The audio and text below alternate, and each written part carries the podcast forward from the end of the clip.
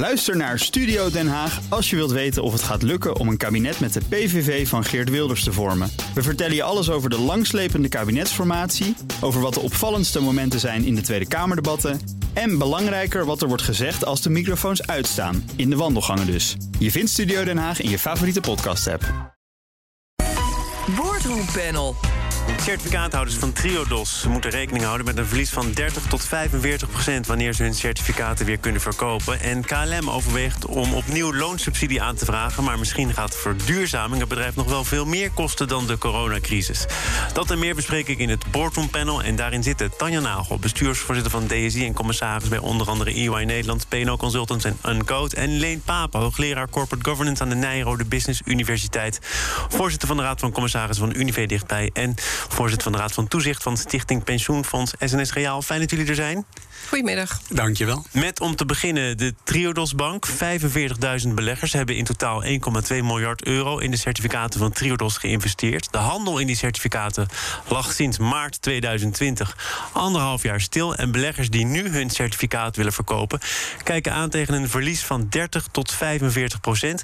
Leen, ik denk dat we eerst even de luisteraar misschien iets moeten bijspijkeren. Het idee was dus: je koopt een certificaat, een soort aandeel van Triodos. En eh, daar werd altijd van beloofd dat je daar in ieder geval 87 euro per certificaat voor terugkreeg.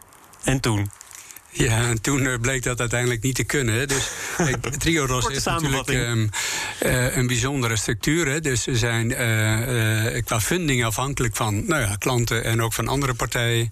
er zit een stichting boven. En op die manier is het zoeken naar eigen vermogen. Dus deze certificaten waren ooit bedoeld om het eigen vermogen ook te versterken. En dat is prettig om je buffer te verbeteren.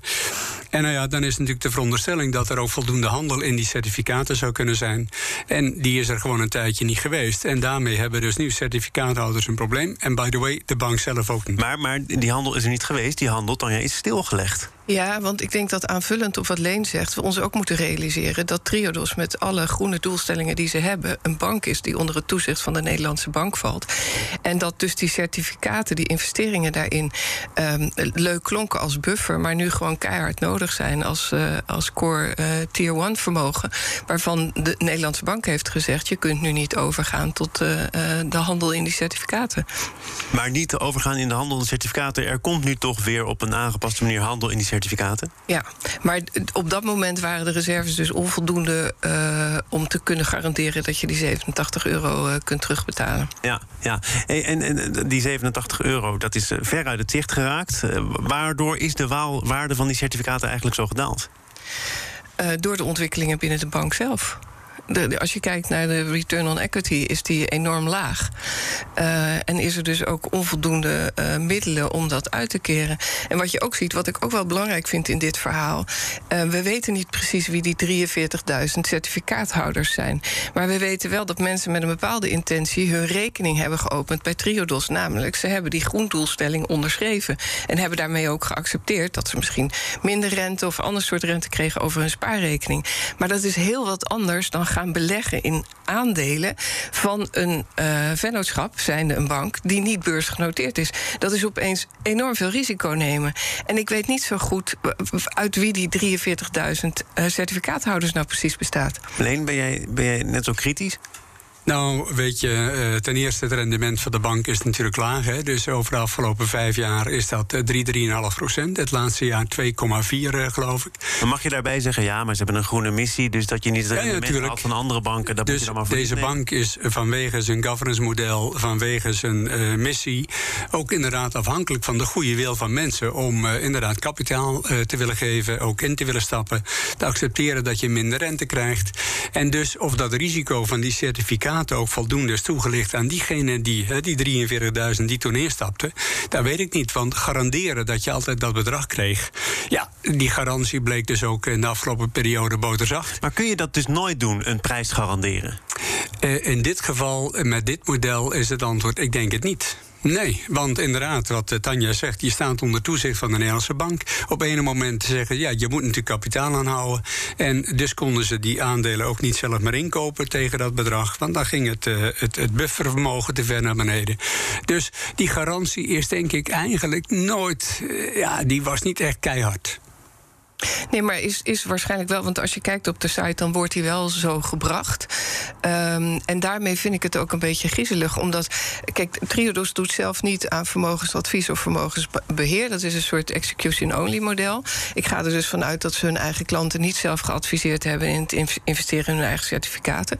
Maar, maar dat is nog wat anders uh, dan dat hun eigen cliënten voldoende research hebben gepleegd of hebben kunnen plegen om in uh, die certificaten te beleggen. Want de kans is ook niet zo heel groot dat de vermogensbeheerder of de adviseur, waar ze dan misschien ook cliënt bij zijn, dat wel heeft gedaan. Dus daar zit toch een soort van eigen besluit in.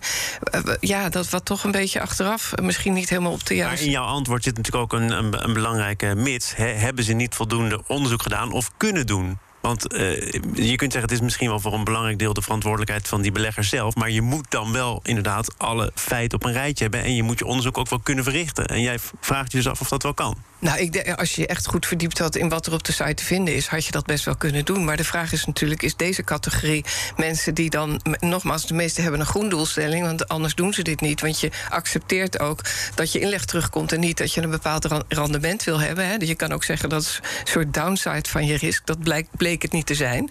Maar op het moment van instappen wel. Ja, dan vind ik het verschil best groot. Maar nogmaals, we weten het niet precies. De, nieuwe topman, de redelijk nieuwe topman van Triodos, die heeft al eerder aangegeven er waren uh, drie opties. Een echte beursgang, het oprichten van een soort afgeschermde markt voor de certificaathouders en gewoon wachten. Het is optie 2 geworden. Is dat ook de optie leen die jij zou verkiezen?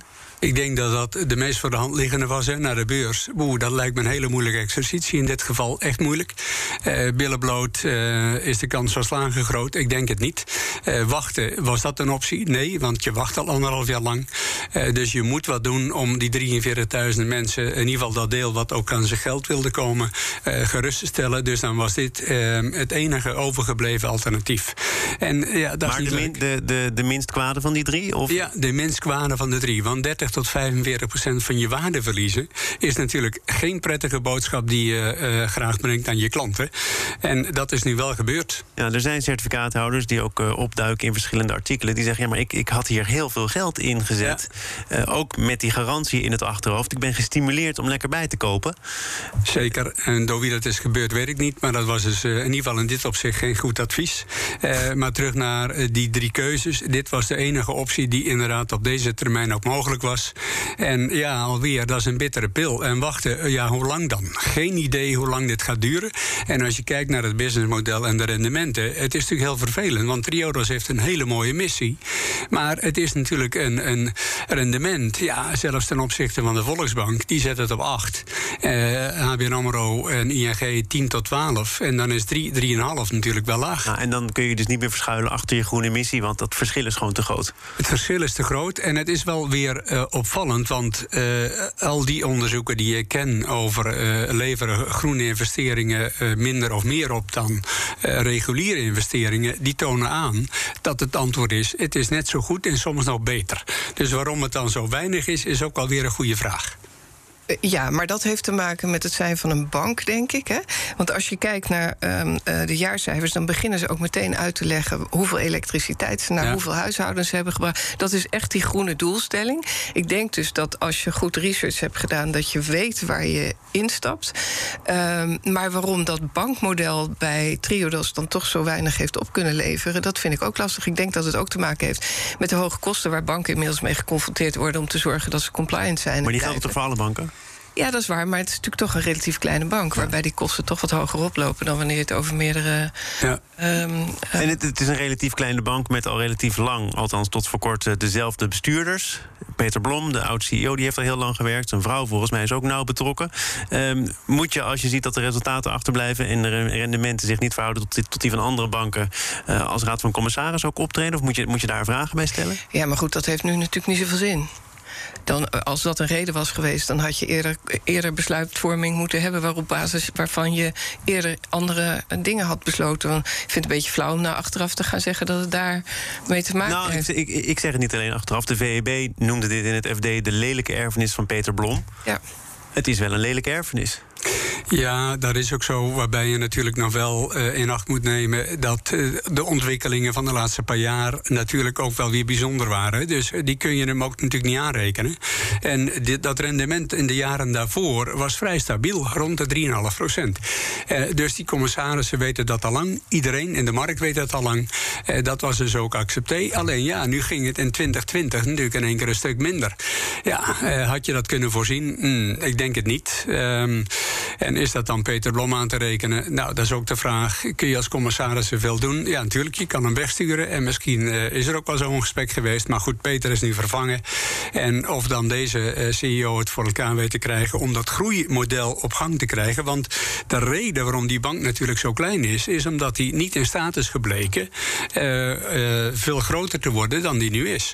Dat blijkt dus nog niet mee te vallen met een, een, een groene doelstelling. Helaas hoor, dat moet ik erbij zeggen. Nog heel even naar wat je nu kunt doen als uh, gedupeerde certificaathouder. Ook daarover zei de VEB, de Vereniging van Effectenbezitters, uh, het nodige. Ook op BNR, Joost Schmetsch men dacht, we houden die kunstmatig hoge prijs. En dat is nu niet zo. Nou, iedereen die zich op die manier uh, gedupeerd voelt, en dat gaat echt om individuele zaken, dan zou ik van zeggen, uh, meld je bij de AFM, die dit in individuele gevallen echt moet uitzoeken. Dat wij, de VB kijkt vaker naar het collectieve belang. Hè. Als wij een groep hebben, dan kunnen we echt vuist maken. En hier, als er mensen zijn die denken van, ja, de bank heeft mij wel erg veel van die certificaten verkocht. Terwijl, ja, ik heb verder geen andere of ik uh, past het wel bij mij, het risico is te hoog, dan is dat toch de toezichthouder die daar eens individueel uh, naar die gevallen zou moeten kijken. Ik zie jullie allemaal een beetje frons. Ik begin bij Tanja, want die kan het het beste. Uh, het fronsen. Ja, het, ja, en het antwoord geven ook. nou, weet, dat weet ik zeker niet. Maar um, wat ik hier een beetje jammer aan vind, is wanneer gaat dan een individueel belang over in een collectief, collectief belang? Want ik kan me heel goed voorstellen dat als mensen zich verzamelen, dat ze heel snel tot een, een collectiviteit komen. Ik vind het een beetje jammer dat de VEB bij, meteen al begint met het afstand creëren. En we weten allemaal dat als individuen zich bij de AFM gaan melden, ja, dat gaat een doorlooptijd hebben van hier tot aan Tokio. Daar hebben ze natuurlijk helemaal niks aan. Ah, en het gaat om een omvangrijke groep. Hè. Het gaat om meer dan 40.000 van die certificaathouders. Daar, daar, moet je toch een collectief uit kunnen vormen, inderdaad. Uh, ik denk ook dat dat kan. Hè. Dus inderdaad, het individu wijzen naar de AFM, dat lijkt me weinig uh, zinvol. Want ja, hoeveel zijn het er dan? En de enkeling, dat wordt natuurlijk niks. Die slaat ook geen deuk in een pak boter. Dus uh, het lijkt me meer dat het collectief dat zou kunnen doen. Daarin zou de VEB natuurlijk prima kunnen helpen. Maar van waar dan die gecreëerde afstand inderdaad? Nou ja, dat is een goede vraag. Ik uh, heb ook gekeken op hun site van wat zeggen ze eigenlijk bij de VEB over dit geval. Nou, niks terug te vinden. Nee, nee en uh, overigens denk ik dat het niet 43.000 certificaathouders zullen zijn. Hè? Want er zijn mensen ja, die zeggen gewoon, nou, oké, okay, groene missie, prima. Ja. Er zijn mensen die zeggen, ik pak die haircut wel klaar ermee. En dan hou je natuurlijk een groep over die uh, waarschijnlijk wel in het geweer zal willen komen. We gaan naar een uh, ander onderwerp, ook over duurzaamheid. BNR Nieuwsradio. Zaken doen. Thomas van Zeil. Het boardroompanel is te gast Tanja Nagel en Leen Papen. En we gaan het hebben over KLM. Dat zegt overvallen te zijn door de Omicron-variant... en overweegt om opnieuw NOW-steun aan te vragen. En tegelijkertijd waarschuwt topman Pieter Elbers in het FD... dat de verduurzaming misschien nog wel meer gaat kosten... dan die hele coronacrisis. Nou, Leen, uh, ik begin bij jou in dit geval. Je hebt ook gewerkt bij KLM, dus uh, ja, alle recht van spreken zou je bijna kunnen zeggen. Ja, overvallen door de Omicron-variant. Als luchtvaartmaatschappij, laat ik daar dan maar mee beginnen. Is nou, dat... Uh, ik, ik, was in november in New York en daar kwam ik Pieter Elbers nog tegen. En toen zei ik, nou, het gaat beter met KLM, hè, want ik heb in je vliegtuig gezeten. Ja, zegt hij, het gaat beter. en dat was natuurlijk kort voordat Omicron er langs kwam. Dus eh, ben je overvallen door Omicron? Ja, eh, voor een deel. Tegelijkertijd, ik heb ook in hun jaarverslag gekeken over 2020. En dan staat daarin, we hebben rekening ge gehouden met scenario's waarin we 10% krimp zien van het aantal vliegbewegingen. En op die manier kunnen we zeggen, nou, we denken dat de continuïteit van KLM gegarandeerd is. En toen ik die 10% las, toen dacht ik, ja, dank je de koekoek. Als je kijkt in 2020 en ook in 2021, het aantal vluchten op Schiphol is meer dan gehalveerd. En dat is natuurlijk ook een substantieel deel daarvan is KLM. Dus 10%, mm, dat had je toch denk ik ook wel iets anders kunnen inschatten. Maar. Waarom zou je bewust optimistisch inschatten hoe het zal verlopen? Nou, weet je, uh, ik was er niet bij. Dat zeg ik er altijd ook maar even gelijk bij. Maar als je meer dan 10% krimp gaat uh, verdisconteren in scenario's voor KLM, dan denk ik dat je natuurlijk in een scenario komt waarin KLM niet levensvatbaar is in de vorm waarin ze nu zit. En dat je dan een heftig probleem hebt richting je banken, richting je aandeelhouders en natuurlijk ook richting de staat. Dus dat ga je nooit zelf op papier zetten, zeg je eigenlijk? Nee, want de staat heeft natuurlijk wel in totaal 6,4 miljard uh, gegarandeerd. Dat is niet allemaal opgesoupeerd door de KLM. En je moet daar natuurlijk wel een verhaal voor hebben. Dus op het moment dat je met 30% krimprekening houdt, dan ziet je cashflow en je liquiditeit natuurlijk er een stuk anders uit. En dan ben ik bang dat je, nou ja, andere problemen maar als het echt zo zou zijn, dan is het uh, des te opvallender dat je dan in de media aangeeft dat je overvallen bent door tegenvallers. Want jij suggereert hier eigenlijk, ze hadden echt wel beter kunnen weten nou beter kunnen weten. Ze hadden andere modellen kunnen maken. En je weet op grond van de ervaring van anderhalf, twee jaar terug... dat je uh, iets andere getallen hebt dan 10 procent. Even inhakend op jouw opmerking van ik ben er nooit bij geweest. Dat vind ik altijd zo heerlijk van het boardroompanel. Want als we erbij waren geweest, hadden we hier niet kunnen praten. Nee, dan hadden we hier niet gezeten. Um, ja, als je kijkt naar, naar wat er gebeurt bij KLM... denk ik toch ook dat misschien dat tweede uh, issue... over um, de sustainability naar de toekomst toe... misschien ook wel een beetje verpakt zit in deze boodschap. Dat als je ergens door overvallen wordt... dat het zomaar opeens kan leiden tot... en voor je het weet hebben we het over die duurzaamheidsdiscussie... Uh, in plaats van hierover. Um, ik, ik, vraag me al een hele tijd af hoe komt het nou dat de overheid toch steeds weer bereid is om uh, zoveel in KLM te pompen. En dan niet alleen maar in uh, de hulp nu, maar ook in dat aandelenpakket wat extra gekocht, gekocht is. Daar zit een soort uh, blauwe, hoe heet het ook alweer? Um, trots, blauwe zwaan. Blauwe trots, ja. Terwijl ik denk, ja, weet je, ik, ik denk dat Schiphol als hub heel belangrijk is. Maar of dat nou allemaal vliegtuigen van KLM moeten zijn, als dat zoveel geld moet gaan kosten, ik begrijp het ja, niet. Nederland wil toch zijn eigen nationale luchtvaartmaatschappij overeind houden. Ja, en waarom dan eigenlijk? Ja, als KLM valt, dan valt de rest ook. Het is een ja, domino-effect. Nee, dat is natuurlijk niet waar. Tenminste, dat, nee, hoor ik aan alle ja, persconferenties. dat is volgens mij ook niet waar. Ja, nee, maar dat, dat is het verhaal. En uh, kijk, in Brussel, Sabena bestaat niet meer. Uh, is Brussel omgevallen? Dacht ik niet. Uh, in Zwitserland is uh, Swiss Air omgevallen. Dus KLM heeft Schiphol niet nodig? Schiphol kan KLM, ook een serieuze... Nee, nee, KLM heeft Schiphol nodig. Ja, maar, maar heeft Schiphol niet. KLM nodig? Dat ja, is jouw dat bedoel ik, ja. ja, ja en ja, het antwoord daarop is... Uh, nou, nee, niet echt, denk ik. Ik denk dat er meer dan voldoende andere airlines zijn... die dat gat zouden kunnen vullen. Of je dat nou moet willen, is nog de vraag. Hè, want uh, 400.000 vliegbewegingen was ooit het maximum. We zaten nu op 500.000. We gingen al praten over 600 tot 800.000. Hoezo duurzaamheid? Uh, dus of je dat gat op die manier moet willen vullen... dat is een politieke discussie. Maar nee, uh, Schiphol heeft uh, KLM wel nodig, maar daar zijn ook anderen. Toch nog even aanhakend op wat jij zei, want Pieter Elbers neemt inderdaad ook de gelegenheid te baat om iets te zeggen over de verduurzaming en over hoe duur het allemaal gaat worden. Oké, de vliegbelasting gaat omhoog, Schiphol gaat er haventarieven fors verhogen met 37 procent. Er moet duurzame brandstof worden gekocht, bijgemengd. Vermengt hij inderdaad daarmee ook dus die twee discussies? Ja, dat, dat denk ik. Uh, en en wat, je, wat hij daarbij niet noemt. Om, maar we gaan natuurlijk toch ook zien dat er fors in treinen wordt geïnvesteerd. om te zorgen dat dat vervanging wordt binnen Europa. Ja, dat gaat het model er natuurlijk ook heel anders doen uitzien. Nou, hij vindt het overigens, want daar begonnen we mee, het aanspraak maken op NOW. volledig logisch dat KLM dat doet. Hè, anders dan moet er nog veel dieper worden gesneden. En zegt hij ook nog eens: ja, het gaat om grote bedragen. Maar wij zijn mathematisch gezien uh, de derde private werkgever van Nederland. Dus dat het dan om grote bedragen gaat, is volstrekt te begrijpen. Al zegt hij ook, ik begrijp dat je als ondernemer wel eens denkt van... goh, waarom al dat geld naar KLM? Nou, uh, toen dus uh, de pandemie uitbrak en dus dat soort bedragen onder andere naar KLM gingen, heb ik een column geschreven waarin ik zei van als ik erover na zou denken, wat zouden dan de eisen zijn die ik zou stellen voordat ik dat geld over zou maken? En dat ging dan ook over duurzaamheid, dat ging ook over bonussen, dat ging over van alles en nog wat.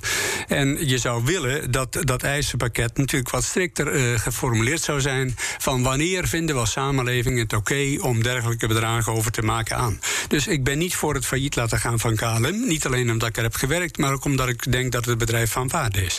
Alleen de omvang en de manier waarop, dat is natuurlijk nog wel een goede vraag. En 1,7 miljard aan NOV eh, voor KLM in de eerste ronde, my goodness. En daar komt daar nu nog eens een hoop bij. Plus uitgestelde belastingen.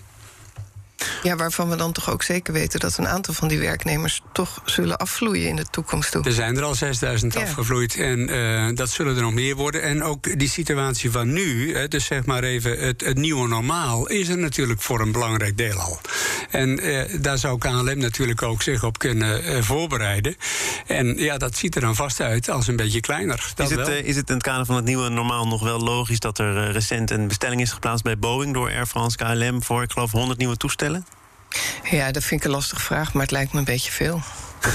Nou ja, als je verwacht dat in 2024 de luchtvaart weer op het normale niveau zal zitten, dan kan ik het nog wel plaatsen. Dan snap ik het ook wel. Ik denk dat overigens ook om die reden dat duurzaamheidsaspect in het verhaal van Elbers zat.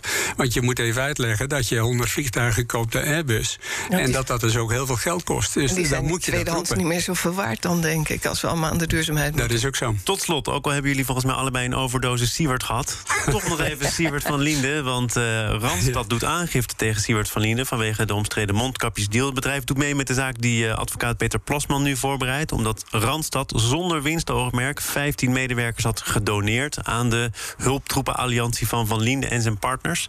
Randstad zegt zelf tegen Follow the Money: we wilden het eerst anders aanpakken. Wij wilden gewoon ons geld terug het salaris dat we aan die medewerkers hebben gegeven. Een ton, anderhalve ton. We kregen eigenlijk nul op het request van Siewert. Die zei, ja, de mail met dat verzoek is in mijn spambox blijven hangen. Toen kwam Peter Plasman met zijn zaak. Daar haken ze nu bij in. Is dat logisch, Tanja? Uh, ja, weet je, ik kan het me wel voorstellen. Al is het maar omdat er anders misschien ook wel naar Randstad wordt gekeken in de trant van. En waarom doen zij niet mee in die zaak? Want dat heeft dan toch ook iets geks. Als dat geld werkelijk aan de strijkstok uh, uh, bij meneer Van Linden en vrienden zou blijven hangen. Leen? Ja, uh, ik, ik, denk dat dat inderdaad de volgorde is. Hè. Dus de vraag was ook waarom begon Randstad niet zelf? Nou, dat lijkt me ook altijd moeizaam voor een bedrijf als Randstad om dat te doen. Uh, en nu is het fijn dat een andere doet en dan lift je mee. En dat is ook uh, prima, want daarmee geef je ook wel aan dat dit natuurlijk wel er eentje is in de categorie. Dit had niet op deze manier gemogen. En ja, gisteren vroeg jouw collega Jochem, wat zou je advies zijn? Ja, als ik zijn vader zou zijn, zou ik zeggen: jongen, wees verstandig, betaal het terug. Eh, want dit achtervolgt je de rest van je leven. En dat gun ik je ook niet. Tanja, als jij zijn moeder zou zijn. Ja, ja, ja. Wat een mooi kind zou dat worden. Ja, ja, zeker. Arm kind. Um, Arm kind. Uh, nee, die, die, vraag vind ik te lastig. Um, maar wat ik wel uh, mooi vond, is dat eigenlijk ook al die goede doelen zeiden... Uh, we hoeven dat geld niet. En dat maakt de casus natuurlijk nog eens interessanter... want dan moet hij zelf iets anders gaan doen... of inderdaad onder druk gezet worden. En ik denk dat dat de beste methode is. Maar wordt hij hiermee ook niet verder onder druk gezet? Ja. Ja, dus het zou toch effect kunnen hebben. Want de Randstad zegt, het gaat ons niet om het geld. Maar we willen wel dat het geld uit de zakken van deze heren verdwijnt. Dus dan gaat het eigenlijk toch linksom of rechtsom wel om het geld. Nou ja, je kan nog claimen. Komt, laat ik het zeggen. Je, precies, je kan claimen dat het gaat over rechtvaardigheid. Het gevoel wat natuurlijk ook uh, velen zullen hebben dat dit uh, een, een, manier is die, ja, die had je nooit op deze manier gewild. Nee, en de vraag is dan vervolgens: uh, hoe gaan we van zo'n casus leren naar de toekomst toe? Dat dit ja. ook de overheid niet nog een keer gebeurt. Ja, dat wordt ook een vraag, denk ik, voor alle parlementaire enquêtecommissies die nog zullen volgen. Nou, wat opvallend was onlangs, topambtenaar Mark Frequin zei het in de pers. Ik, ja, ik, ik, ik verbaasde me enorm. Die zei ja, deze deal, achteraf gezien hadden we dat misschien ook eerder uh, openlijk moeten melden en erover moeten spreken. En ik denk, nou hallo, uh, dat had je natuurlijk wel eens eerder kunnen bedenken. Maar goed, dat is allemaal weer de koe in het kont kijkend, ik snap het wel. Uh, maar het had Precies waar dit panel ooit voor in het leven is geroepen, Leen. Dat is fantastisch. Leen Paap, hoogleraar Corporate Governance aan de Nijro, de Business University Universiteit en voorzitter van de Raad van Commissarissen van de Unive dichtbij, voorzitter van de Raad van Toezicht van de Stichting Pensioenfonds van SNS Reaal en Tanja Nagel, bestuursvoorzitter van de DSI en commissaris bij onder andere EY Nederland, PNO Consultants en Uncode. Dank voor jullie komst. Graag gedaan. Dank eh, Thomas. Tot volgend jaar. Ja, tot volgend jaar, hè, 2022. Zometeen. Jullie allebei ook. Komt nu toch echt een einde aan. Zometeen dan uh, praat ik met een ZZP'er die op allerlei uh, maatregelen dacht aanspraak te maken, steunpakketten. En het nu toch ook voor een belangrijk deel moet terugbetalen. Hoe doe je dat netjes? Ook Bas van Werven vind je in de BNR-app. Ja, je kunt live naar mij en Iwan luisteren tijdens de ochtendspits. Je krijgt een melding van Breaking News. En niet alleen onze podcast Ochtendnieuws, maar alle BNR-podcasts vind je in de app. Download nu de gratis BNR-app en blijf scherp.